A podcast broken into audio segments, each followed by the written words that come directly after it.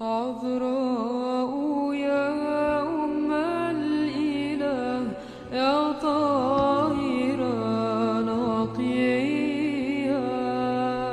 La det forgjengelige lys fra din åpenbaring skinne i våre hjerter, o menneskekjære Herre. Måtte du opplyse våre sinn når vi leser om dine hellige tjenere. Lær oss ved deres eksempel å leve i lyset, slik at også vi kan leve for deg, vår Herre og velgjøre, for du er god og elsker menneskene. Den 1. september er den første dagen i det ortodokse kirkeåret. I dag feirer vi Symeon Stylitten den eldre. Hellige Simeon var født i landsbyen Sissa, som ligger mellom Syria og Silicia, omkring år 390. Fra hans unge alder av hadde hans fromme foreldre den skikken at de sendte han ut alene for å føre sauene ut på beite. Men en dag da det hadde kommet så mye snø at han ikke kunne finne gress til sauene sine, gikk han heller inn i en kirke. Der hørte han disse ordene bli lest, salige er de som gråter, og ulykkelige de som ler, salige de som har et rent hjerte, osv. Etter å ha bedt om det, som eh, behøvdes for å følge disse Herrens forskrifter, forlot han på stedet sine regioner og alt det som holdt han tilbake i verden, og reiste av sted til et nærliggende kloster, hvor han ble i to år. Da Simeon ønsket å føre et strengere liv enn det som han hadde funnet der, reiste han til klosteret Teleda, ikke så langt fra Antiokia, der munken Heliodorus med all visdom og strenghet styrte over 80 munker. Simeon tilbrakte ti år der, men fra begynnelsen av hans opphold overgikk han alle de andre munkene ved sin askese. Mens de andre spiste annenhver dag, tok Simeon sitt magre måltid bare én gang i uken.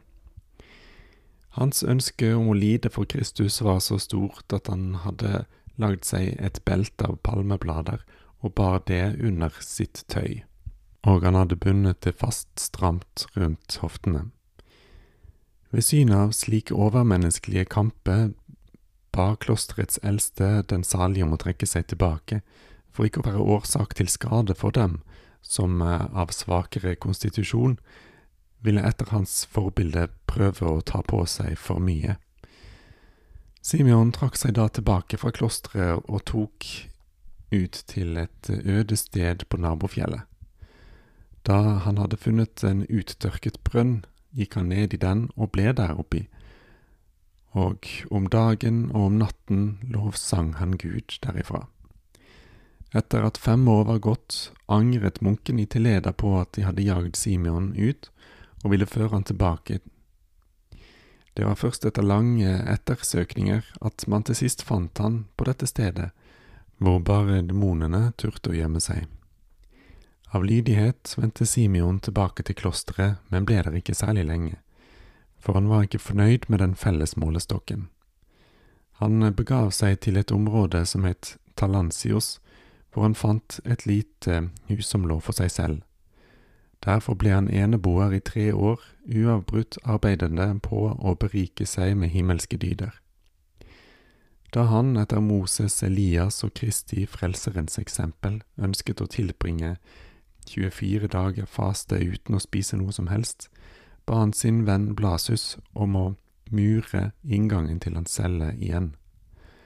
Denne sa kun ja på en betingelse, at han fikk etterlate litt brød og vann i det tilfellet at uh, kroppen hans ble så redusert at det sto om livet. Da de 40 dagene var gått, kom Blasus full av frykt tilbake til cellen hans. Der fant han brødet og vannet som han hadde satt det fra seg, og den hellige lå ubevegelig på jorden, så svak at han ikke kunne si et ord. Han fikk først visse krefter etter å ha mottatt de hellige sakramentene. Siden da tilbrakte Simeon alle fastene uten å spise noe, og styrket av nåden forble han oppreist hele den tiden med en uforlignelig munterhet. Etter å ha tilbrakt tre år i denne cellen gikk han opp på toppen av et fjell og tok en tung lenke med for å fast, feste seg der. Men den kloke Meletius, som var biskop for kirken i Antiokia, lot bemerke til han at menneskets vilje bør opplyst av forstanden vise seg sterkere enn enhver lenke til å hindre tanken i å streife hit og dit. Simeon ble overbevist av dette argumentet, og da han eh, visste at askesen bare er prisverdig i den grad den gjenoppretter den opprinnelige gudsbildet, som er nedlagt i vår natur, adlød han og lot lenkene bryte. Ryet om hellige Simons hellighet utbredte seg så mye at et stort antall troende som kom fra regionen der, men også fra andre områder lenger borte, Persia, Armenia, Georgia, Italia, Frankrike og England, strømmet til uten opphør for å få hans velsignelse og helbredelse av både sjel og legeme. Men Simeon elsket og søkte bare ensomheten for å kunne nærme seg himmelen i den rene beskuelsen. Så for å unngå disse ubeleilige æresbevisningene fant han på at han skulle bygge en søyle. På toppen av den skulle han innrette seg på en liten plattform. Han lagde først en søyle som var seks albuemål høy, så en annen på tolv, en tredje på 22 og sto til sist på toppen av en søyle på 30 90 albuemål, som tilsvarer 16 meter. Der forble han i 30 år, inntil sin død, idet han således hadde levd nærmere himmelen enn jorden.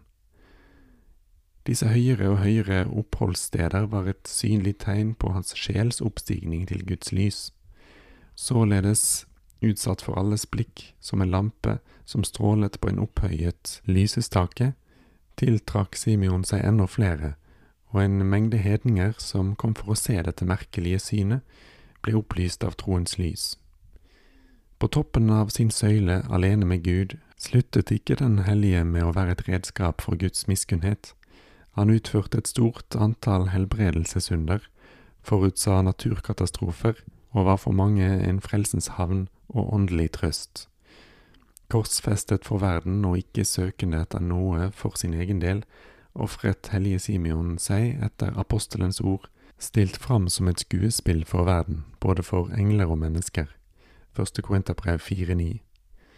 Skjønt ikledt et kjødelig legeme, førte han her nede englenes ulegemlige liv. Men det mest forunderlige var at da han hadde utført slike asketiske kamper, etter at, etter at han hadde nådd slike dyder og utøvet så mange under, hadde Simeon en slik ydmykhet at han uten hykleri betraktet seg som den ringeste av alle mennesker. Det er bare med hensyn til kjetterne at han viste sinne, eller rettere guddommelig iver for deres rettelse, etter slik å ha utbredt omkring seg den freden som hersket i hans hjerte, innsovnet hellige Simeon i døden i en alder av 69 år, i året 459, mens han var fordypet i bønn. Hans dyrebare relikvier ble ført til Antiokia, fulgt av en umåtelig stor skare, og de fortsatte å gjøre tallrike under for dem som nærmet seg dem med tro. En tid senere foranlediget keiser Leo den første, på forespørsel fra hellige Daniel stylitten, som eh, kappes med hellige Simeon i bedrifter, at man skred til overførelse av Den helliges relikvier til Konstantinopel i året 467, og ikke så langt fra hellige Daniels søyle bygde man en kirke som kunne romme dem. Hva angår det klosteret som var eh, hans hjem, eh, så opplevde det en usedvanlig utvidelse. Der ble det bygget fire basilikaer i form som et kors omkring hellige Simons søyle. Dette klosteret og pilegrimsstedet falt dog snart i monofusittenes hender og ble siden ødelagt av araberne i året 985.